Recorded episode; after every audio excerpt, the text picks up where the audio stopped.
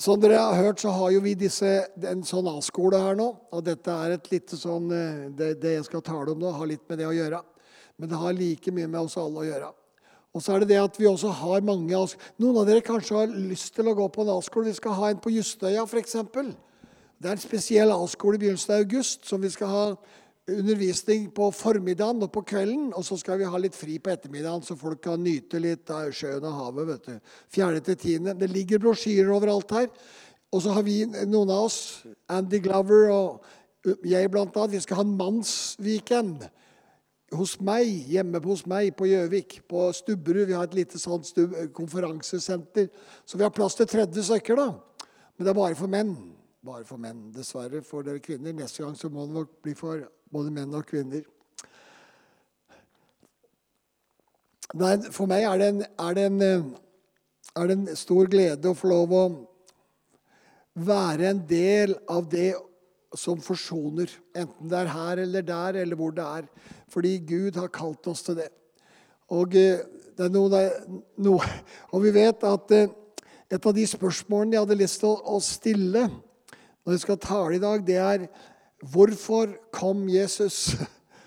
Og så tenker du det vet vi da veldig godt. Hvorfor kom Jesus?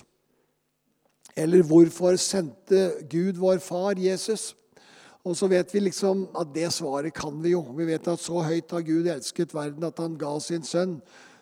Den enbårne for at hver den som tror på han ikke skal gå fortapt, men ha evig liv. Han kom, han sendte jo sin sønn for å frelse oss og det er helt opplagt. Jeg mener, når vi leser når vi leser f.eks. 2. Korinterbrev, kapittel 5, så leser vi om at, at, Jesus forlikte oss med Gud. Han kom for å forsone oss med Gud. Han er forsoneren som, eh, som skulle sørge for at vi ikke skulle gå fortapt, men som skulle ta vekk syndeskillet som var mellom Gud, vår far, og oss. Han tok synden. Han ble til synd, står det på slutten av kapittelet der, vers 21. At Jesus ble til synd for oss. Så han var ikke, han var ikke Og det var kalken. Det var smerten til Jesus. Mer enn noe annet at han ble til synd for oss, for at vi skulle bli forsonet med Gud. Og så er vi da blitt forsonet med Gud. Og så er vi ekstremt takknemlige for det. Og en av grunnene til at vi tilber Jesus, er jo fordi at vi tilber forsoneren. For han har forsonet oss. Vi er Døver du akkurat nå, så spiller det ingen rolle, hadde jeg nær sagt. For deg. Det er verst for dem som blir igjen. Så, så vi er klar. Ikke sant? Himmelen er rede for oss. Men så er det noe som er veldig interessant som er blitt veldig sånn tydelig for meg. og Jeg tror jeg har nevnt det på A-skolen, her, men jeg har lyst til å nevne det igjen. Det som er veldig spesielt for oss, det er at vi er ekstremt glad i forsoneren. Men så har vi på en måte glemt bort at han kom jo for å forsone oss med noen.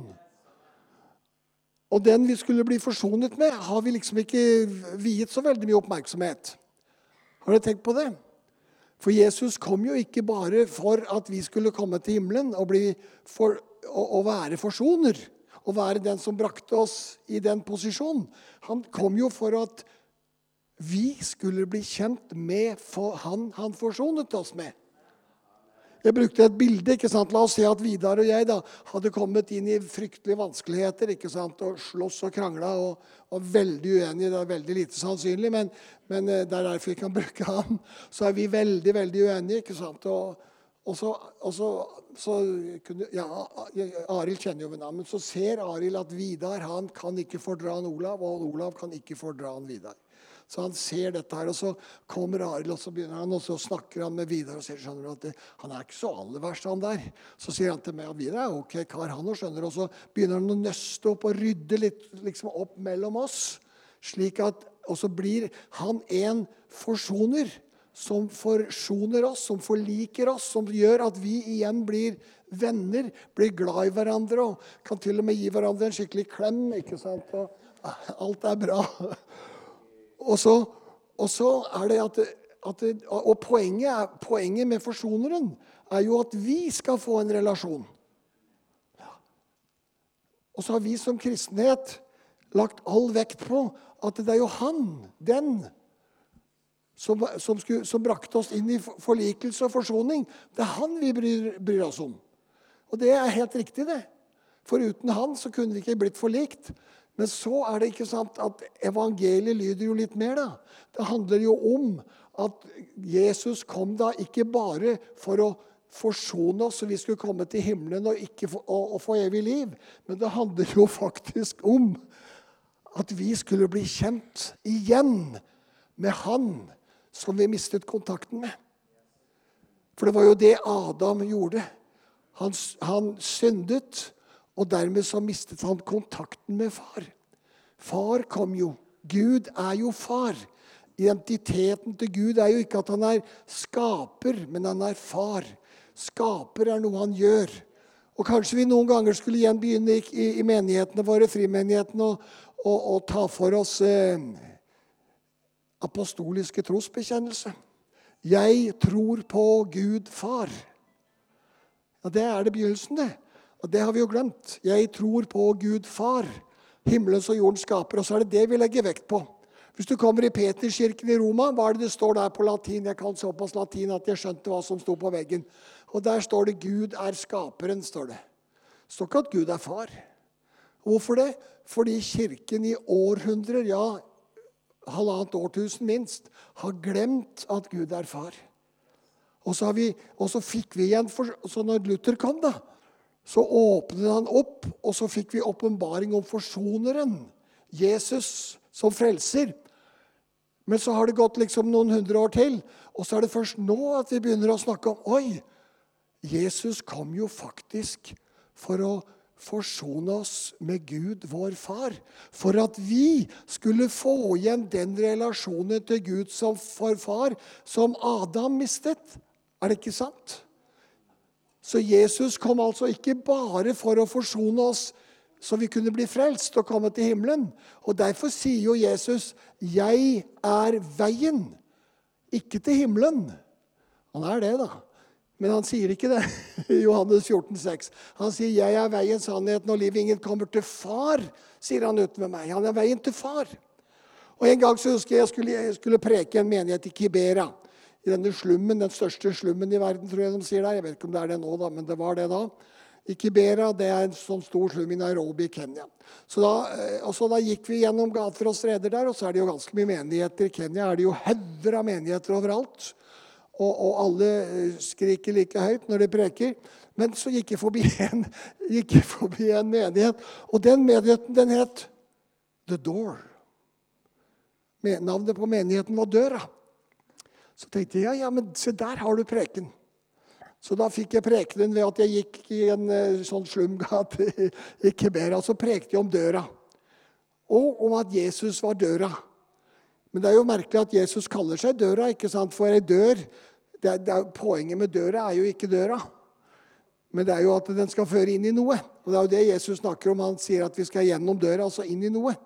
Og, og en vei, Poenget med å komme på veien er jo at du du, ikke, du, du, var jo på veien hit, men det var jo ikke veien som var målet, men det var jo hit du skulle. Så det er alltid en bestemmelse for en vei, som regel.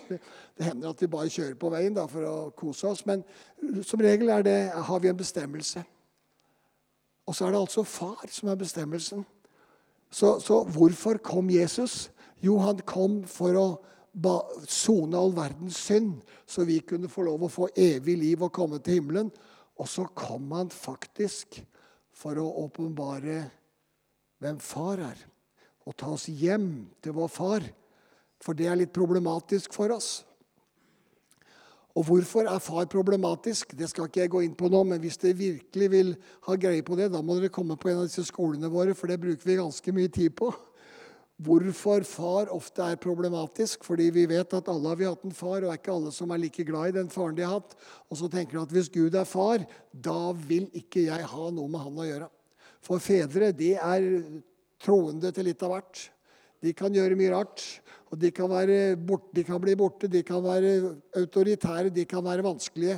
Og så tenker vi Gud er sånn. Og så vet vi det, at han er ikke sånn. For vi vet at Gud, vår far, han er sånn som Jesus er. Men det som er, det som, og, og, og, dette snakker jo Jesus veldig tydelig om. Derfor så sier han i Johannes 14, 18, så sier han, 'Jeg skal ikke etterlate dere farløse'. 'Jeg skal komme til dere', sier han. For vi er blitt en farløs slekt. Det spennende med dette, denne setningen er jo at Jesus sier dette til mennesker som ikke er farløse, som ikke er morløse. For så sier han det jo til eh, Jakob og Johannes. Og Jakob og Johannes de er jo sønnene av Salome, og faren deres er Sebedeus. Han som, er som bøter garn, vet du. Og, og, og, Salome det er jo faktisk søstera til Maria, mor til Jesus. De, de, og Derfor er det at hun har frimodig ikke sant, og kan si til Jesus ikke sant, at når du kommer i ditt rike, Jesus, da skal Jakob sitte på den sida og Johannes på den sida. Det er tante Salome som taler til sin, eh, sin Hva heter det for noe? Sin datter, sin søstersønn, eller hva det heter for noe. Nei, det er tanta som uttrykker seg. Vel, Jesus han eh, svarer ikke sånn på det. Så. Men, men, men, det forteller oss at når da Jesus sier til Johannes 'Du er farløs', så må det være noe helt annet Jesus snakker om. Han sier til Jakob 'Du er farløs'. Han sier til alle disiplene sine, for det er dem han snakker til. Det er i Johannes 14, kapittel 14 og i dette vers 18. Så han altså uttrykker at de er farløse, disse som han prater til. Og så er det jo ikke de farløse. De har det tvert imot kanskje en svært god mor og far. Det høres sånn ut, i hvert fall på noen av dem. Og hvorfor sier han da det? Jeg må bare ha litt vann underveis.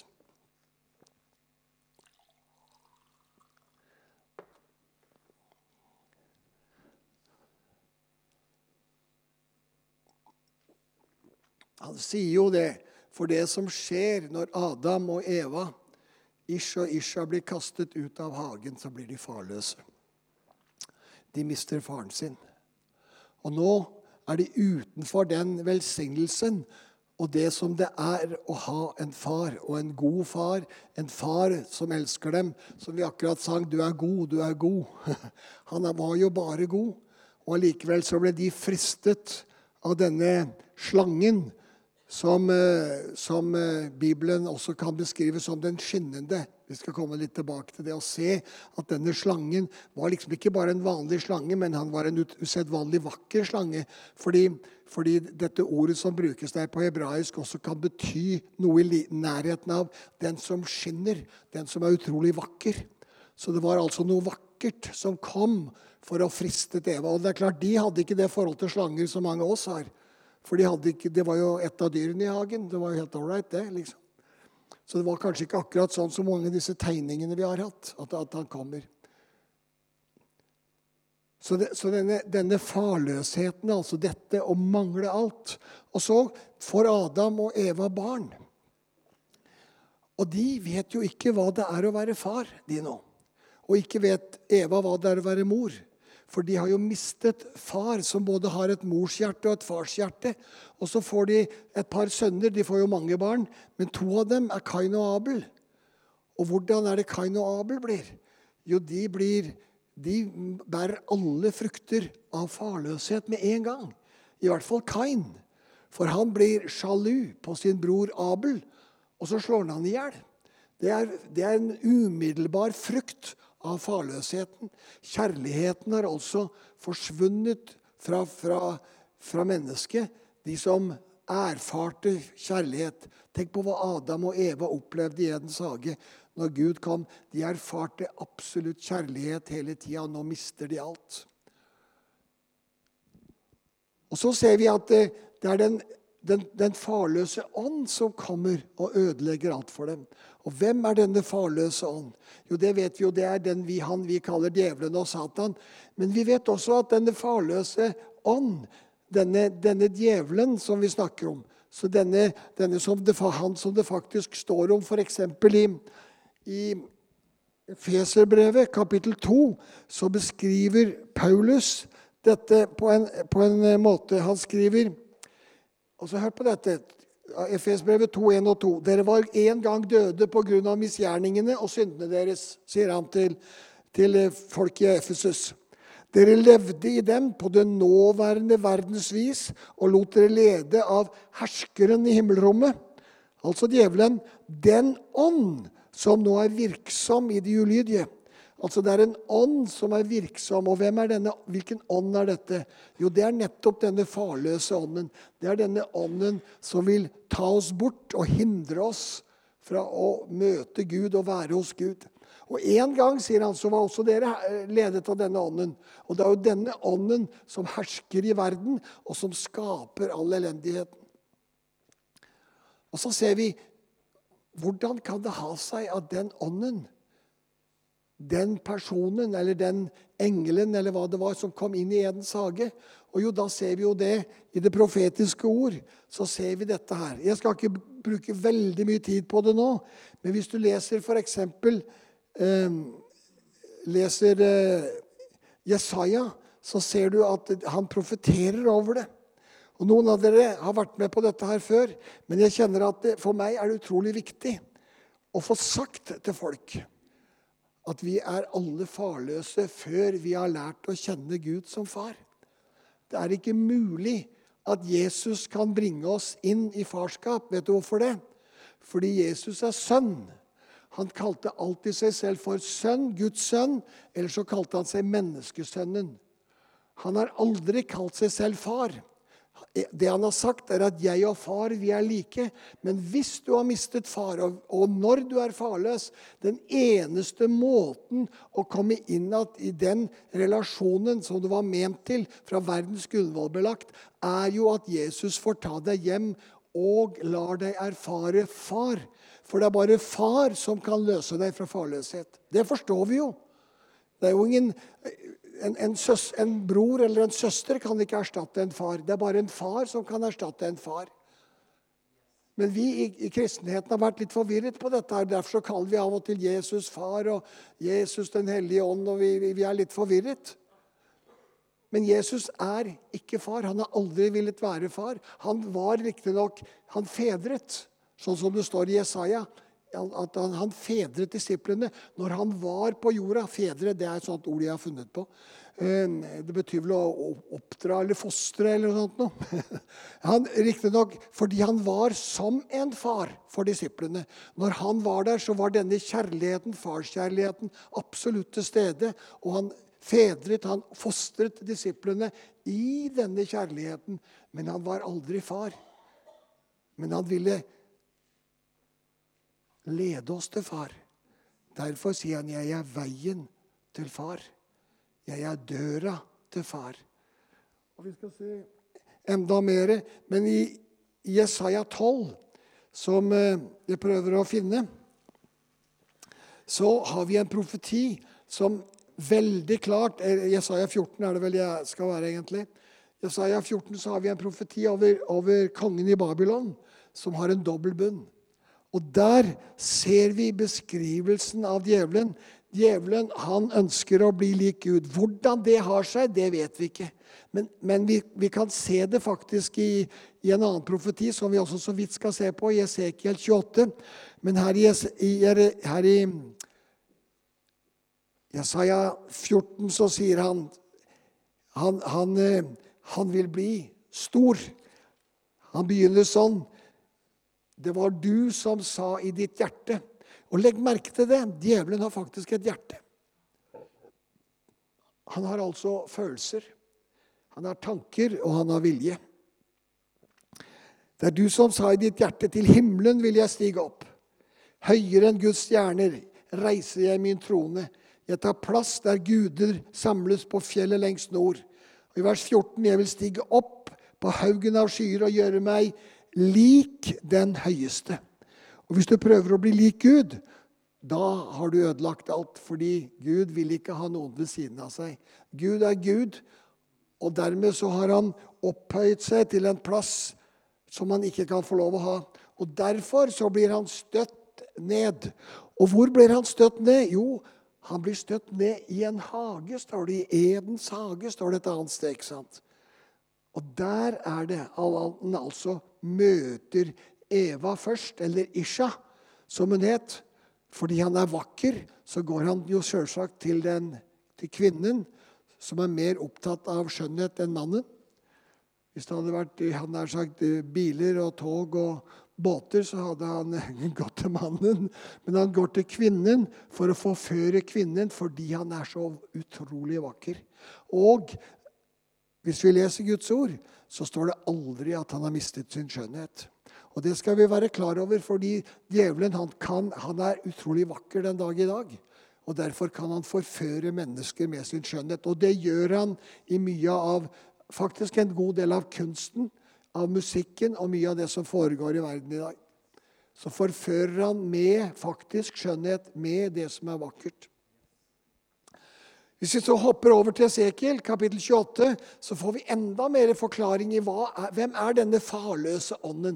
Denne som farer omkring og fører mennesket inn i farløshet, og som er den, den, den verste kraften vi har på jorda i dag. Du vet, Sosionomer har sagt at det største problemet med verden i dag er ikke fattigdom, men farløshet. Farløshet er det som skaper mest av de største problemene. Vi som arbeider mye i Afrika, vi ser jo enormt konsekvensene av det. Mye mer faktisk enn det vi ser f.eks. her i Skandinavia. Fordi, la oss si, en av de vi arbeider med i Kenya, en, en flott biskop. Richard heter han. Han har 44 søsken. Og faren hans har fem koner. Og da skjønner vi at hva slags farskap blir det? Eller vi hadde nøyelig en A-skole i Uganda med, med 60 pastorer. Og så, og så, begynte nettopp Richard å spørre ja, hvor mange er det her som eh, har bare én mor. Ja, det var ikke mange. Mange hadde to. Ja, det var noen. Mange hadde tre. Det var noen. Og fire. Og så kom han til sju. Og jo, det var noen som hadde sju mødre. Eh, altså ikke sånn personlig, da, men faren hadde sju koner. Og så sa han da får vi stoppe. Å nei, nei, nei, sa det Må ikke stoppe enda. Nei da. Så kom de videre. Så kom de elleve. Ja, da, nå må vi stoppe. Elleve? Nei da, sa jeg. Da må videre. Så, så kom de til 14. Da var det nok. Altså, det var en, Faren hans hadde 14 koner. Og da kan du skjønne at da kan han gjerne ha 100 barn. vet du. Og så skal du være far for 100 barn. Åssen tror du det går? Altså, ikke sant? Farløshet. Altså, det, er en, det, er en, det, er en, pest og en plage, for å si det rett ut, i Afrika. Og, og for eksempel, Både i Uganda og i Kenya så har de grunnlovsfestet at alle har lov å ha mange koner, bare ikke de kristne. Og Det er jo fint, da. Men, eh, for de kristne har bare lov å ha én kone, men alle de andre de kan ha mange de vil. Og Dette fører jo til en enorm uh, elendighet i, i, i, landene. Og det er en enorm nedverdigelse av kvinnen, som dere sikkert forstår. Men dette er også en frukt av denne farløshetens ånd og denne dette, dette, at man nærmest kan demonstrere rikdom og makt og velde ved å ha mange koner. Det er et bevis på det, omtrent som at man, man har mye kuer, hadde jeg nær sagt, så er man rik. Eller, så, så, dette er en slags fattigdom. Elendighet. Men i, her står det om, om fienden så står det du var et bilde på det fullendte, fylt av visdom, fullkommen i skjønnhet. Dette er en beskrivelse av djevelen, faktisk. Fullkommen i skjønnhet. Jeg har bare lyst til å si det for at vi ikke skal bli lurt. Og tenker, fordi at vi ofte i sånne bilder vi har av djevelen, så, da, så har han liksom horn på hodet og er stygg og fæl. ikke sant? Og det er sant. Demonene er det. Jeg husker jeg en gang med, snakket med Denise Jordan på New Zealand, for hun ser demonene. Så sa han hva er den styggeste demonen du har sett? sa jeg. Vet du hva han sa? Sjølmedlidenhet er den styggeste av alle demonene jeg har sett, sa han. men uansett, men, men, djevelen altså, han er ikke nødvendigvis stygg. Han kan selvsagt være stygg. Men, han kan gjøre mange ting, men han kan også være utrolig vakker. Du er, et, du er fylt av visdom, fullkommen i skjønnhet. Og så står det i Eden, Guds hage holdt du til. Og så står det at han var dekket av alle disse fantastiske stenene. vet du. Altså utrolig vakker. Vi er i Esekiel 28, vers 13 og utover der. Og så står det i vers 15 Ja, jeg, jeg tror jeg hopper dit. Du var hel i din ferd fra den dagen du ble skapt, til det ble funnet urett hos deg. Og så står det i vers 17.: Ditt hjerte ble hovmodig fordi du var vakker. Så altså, han ble håndmodig, han ble stolt, tenkte 'jeg skal være Gud'. Jeg skal skyve Gud ut av hans trone, og så skal jeg overta. Og så står det 'du ødela din visdom'. Din visdom ble ødelagt. Din visdom På engelsk står det 'your wisdom became corrupted'. Altså Visdommen til djevelen er den motsatte visdommen. ikke sant? Han har den forførende kraft og visdom, og det vil si at han har en visdom. Nå skal ikke jeg prøve å liksom gjøre djevelen stor her. Jeg bare prøver tvert imot. Jeg vil gjøre han svært liten. Men allikevel så må vi være klar over at dette er den farløse ånd. Fordi hva er det denne engelen gjør, denne erkeengelen gjør?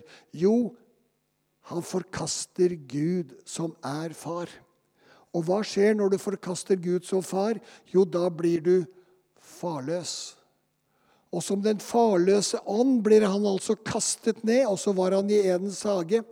Og kanskje var det han som på nesten var en del av dette kunnskapens tre òg, som de ikke skulle spise av. Men uansett hvordan det var, så var han i Edens hage. Det er han som frister Eva, og etter hvert Adam, for de står jo ved siden av hverandre. Hun spiser, han spiser. Og plutselig står det at øynene deres ble åpnet. Og så så de noe som det var aldri ment at de skulle se. Og så lukket hjertet seg for noe som det var ment de skulle ha. De levde nemlig i et hjerteforhold til Gud. I et kjærlighets-hjerteforhold til Gud. Plutselig så ser de, for de har spist av hva for noe? Kunnskapens tre til godt og vondt. Og dette treet gjør at du nå begynner å tenke rett galt. Alt sammen blir, blir, helt annerledes. Og Hvis dere vil vite mer om det, da må dere gå på A-skole og B-skole. Så skal vi undervise vi mye om dette. Fordi dette er et fundamental forståelse av hvorfor vi er sånn som vi er, og hvorfor verden er som den er, og hvorfor vi må komme hjem til Gud som far. For det er først da vi kommer inn i denne friheten. Da kommer vi inn i Fridja, som det heter på samisk. Eh, fridja, det, det, er frihet. Og det er frihet fra oss sjøl og våre egne ting.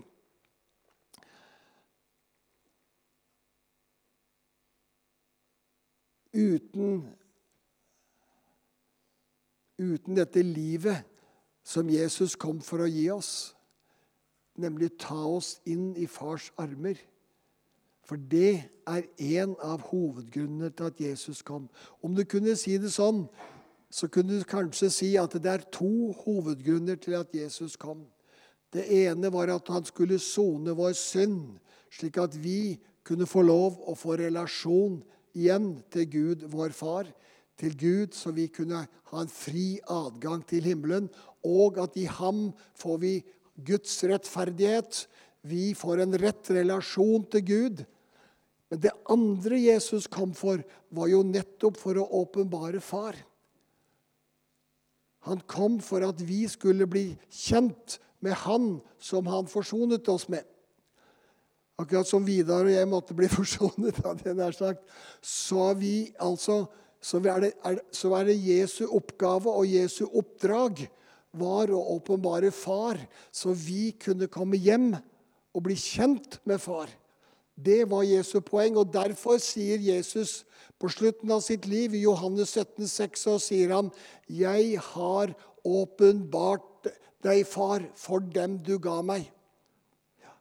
Så det var Jesu poeng. 'Jeg har vist disse tolv, far', sier han, 'hvem du er'. Nå vet du de at jeg kommer fra deg. Altså, Jesus kom for å åpenbare Far, for å vise hvem Gud, vår Far, virkelig er, slik at vi kan komme hjem. Og Derfor har vi A-skoler, folkens. Derfor forkynner vi dette over hele verden. Derfor har vi som kall å bringe denne åpenbaringen til alle mennesker og alle kirkesamfunn og alle relasjoner og alle mennesker i enhver krok i verden. Fordi dette er en del av evangeliet som Gud åpenbarer, og som Gud setter trykk på nå i disse siste tider. Det var som en eksplosjon av dette med den åndsutgytelse som var i Toronto for snart 25 år siden. Og etter det så har vi begynt å se denne delen av evangeliet, denne åpenbaringen, dette som bringer oss inn i hvile. Dette som gjør at vi kan hvile fra våre egne gjerninger. Som gjør at vi kan komme hjem inn i Guds farsarmer.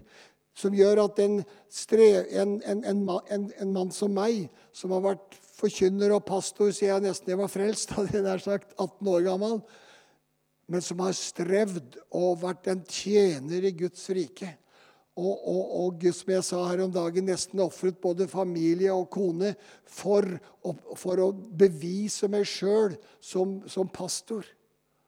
En forferdelig ting, egentlig. Men så, som altså en som den hjemmeværende sønnen som arbeider knallhardt for å bevise seg sjøl. For å ikke bli sett på som en som feiler. Og så en vakker dag få lov til å bli løst fra hele greia og få lov til å komme inn i en situasjon Få lov å ligge, som jeg gjorde i Toronto, som jeg fortalte om her i går, tror jeg, vi på skolen. Få lov å ligge på ryggen på et teppe i Toronto og oppleve Guds fars stemme som sier, 'Jeg tar deg hjem, sønn'. Jeg tar deg hjem. Jeg var den hjemmeværende sønnen som har arbeidet og tjente Guds rike, som, men som ikke forsto at jeg kunne få lov å komme hjem. Men så fikk jeg lov å komme hjem. For begynner å nærme seg i hvert fall 17-18 år siden. Og et helt nytt liv begynte å virke inni meg. For jeg fikk lov å ta imot fars kjærlighet. Substansen av fars kjærlighet som begynte å fylle hjertet mitt. Og plutselig så ramla det bort alt dette at jeg måtte bevise meg sjøl. For jeg visste jo plutselig at jeg er elsket om jeg lykkes eller mislykkes. Om jeg er vellykket pastor eller mislykket pastor. Om det går bra med meg eller ikke går bra med meg, så er det en far som elsker meg akkurat like mye. Og det, skjønner du, det er Fridja. det er frihet. Det er frihet å få lov å være elsket for sin egen skyld. Ikke for hva en gjør, men bare for hvem jeg er. Og det er det, og det er denne farløsheten som Gud kommer, som far kommer og vil bringe inn i hjertet til hver eneste en av oss. Han vil ta oss inn, så vi kan kjenne 'jeg er elsket for min egen skyld'. Han elsker meg. Jeg er hans eh, favoritt. Og vet du, hva, vet du hva far er veldig flink til?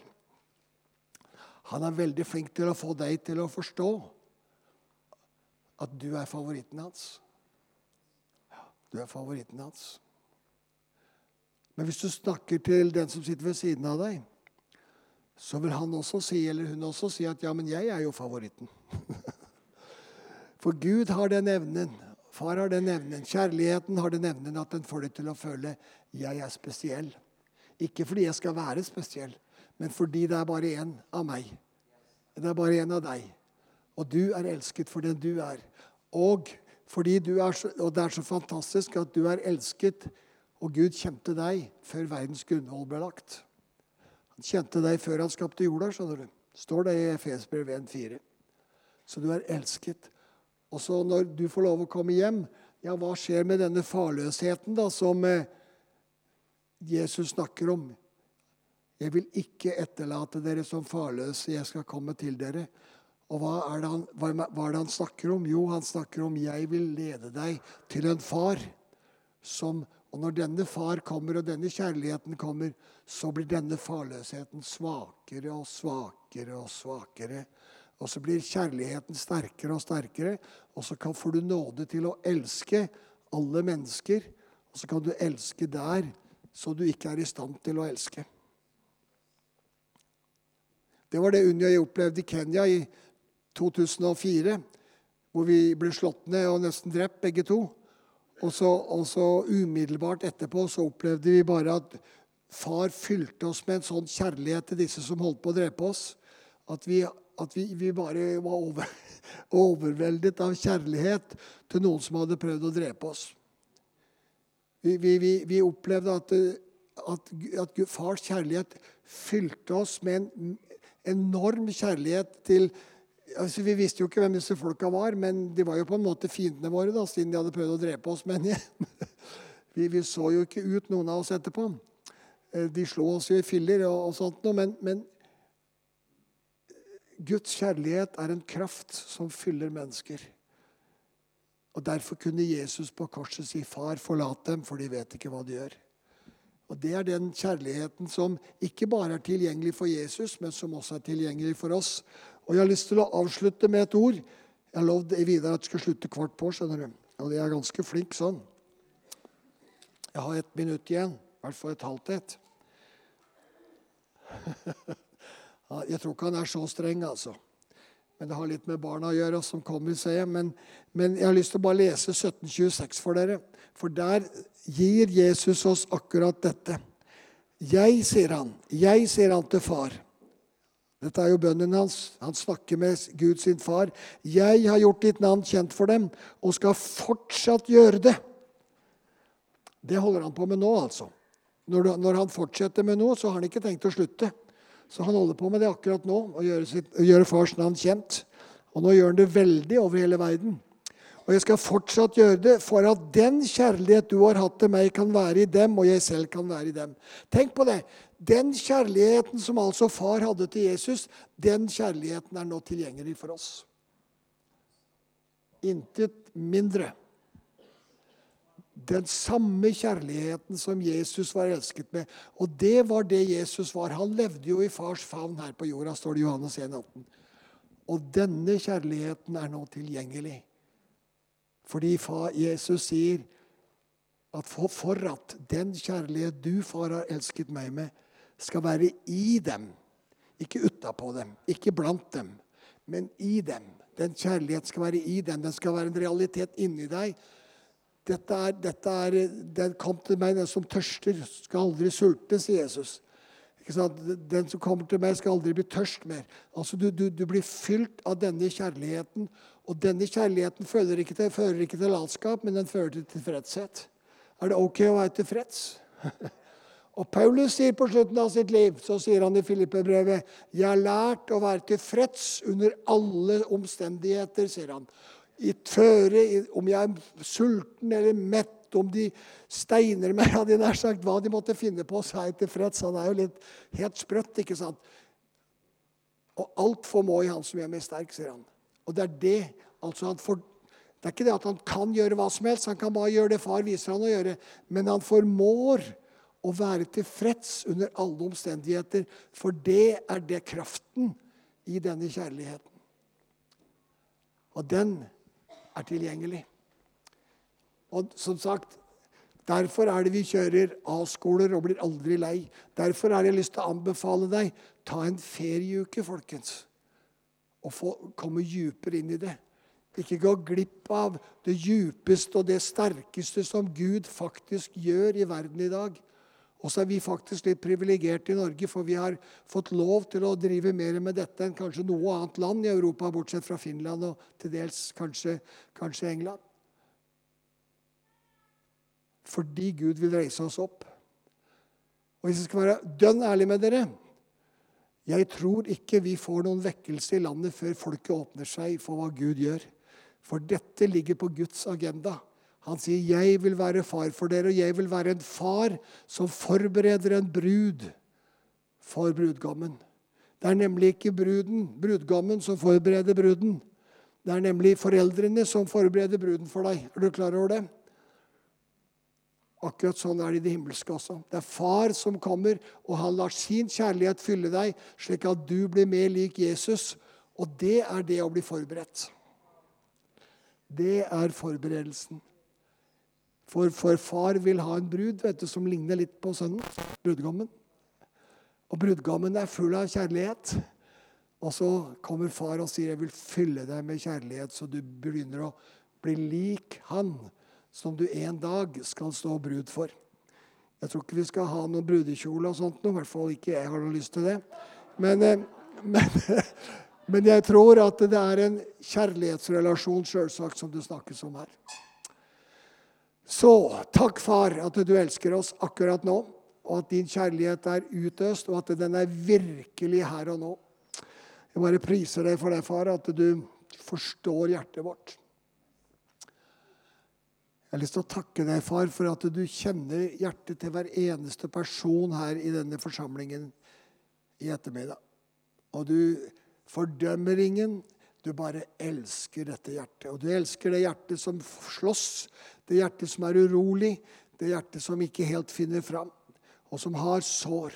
Takk, far, at du vi får lov å be om at din kjærlighet, utøst, slik som det står At fars kjærlighet utøst i våre hjerter ved Den hellige ånd som er gitt. At den, skal, at den får lov til å virke og flyte i våre hjerter. Far, vi legger hånda på hjertet vårt, og så takker vi deg for at du elsker oss akkurat nå. Takk at du faktisk holder rundt oss akkurat nå. Du kommer nær oss akkurat nå, for du er ikke langt borte. Fordi du bor faktisk i hjertet vårt. Takk, far, for at når frelsen kom, så kom både Far og Sønn og Hellig Ånd. Og når hjertet vårt ser hva du har gjort, ja, da har vi det som vi har sett. Takk, far, at du åpner våre øyne, så vi ser. Gi oss nåde til å se, så vi kan ha det vi ser. Takk at det er troens øye som ser. Og du velsigner hvert eneste hjerte her nå. Og du øser og velsigner og fyller og gleder hvert eneste hjerte. Takk for den gleden som er i ditt hjerte også, far. Takk for den gleden som er i ditt hjerte. Og den gleden som er i ditt hjerte over hver eneste en av oss. Fordi vi har fått lov å bli frelst. Vi har fått lov å ta imot Jesus. Vi har fått lov å kjenne mye. Og så ønsker du bare at vi skal få lov å erfare enda mer. For det er ditt hjerte. Og la oss få kjenne her på jorda, ikke bare en gang når vi dør. Takk for din godhet. Takk at du er god. Bare god. Hadde vært veldig flott hvis dere i lovsangsteamet kunne fortsatt å synge den. Hadde det gått an? altså Hvis det er noen som kjenner at eh, vi, er jo, vi, er jo, et team her. Hvis det er noen som kjenner at eh, fordi Du kan ta imot alt dette der du sitter. Men hvis du kjenner at det hadde vært ålreit å komme fram og, og brukt, at vi hadde brukt litt tid og bare velsignet det Gud gjør i hjertet ditt Jeg elsker egentlig å gjøre det og velsigne det Gud gjør i hjertet ditt, for det gjør han. Og så kan vi være med på å velsigne det hvis du vil, ha, vil gjøre det. Så hvis dere går fram, kan dere gjøre det? Lovsangsteam, er det ålreit? For den, den, den, høres så veldig riktig ut akkurat nå. og så, så, gjør vi det sånn. Og er, du, skal du si noe etterpå? Nei? Da, da, da, da, fortsetter vi å synge 'Du er god', god. For er det noe som jeg elsker å gjøre, så er det å, å, å lovprise Guds godhet. For det har vært så mye anklager mot Gud og så mye skyld at Gud hva, hvorfor gjør du ikke det, og hvorfor det? Og Derfor er det så fantastisk å få lov å proklamere 'du er god'. For Gud er god, sjøl om ikke vi alltid forstår ham. Amen. Så da gjør vi det sånn. Hvis, hvis vi som team kan eh, være her, og det, det, er sikkert noen her i menigheten som kan eh, være med, det har ikke jeg så mye greie på, Vidar.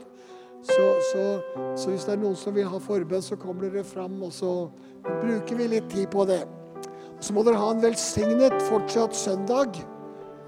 Halleluja.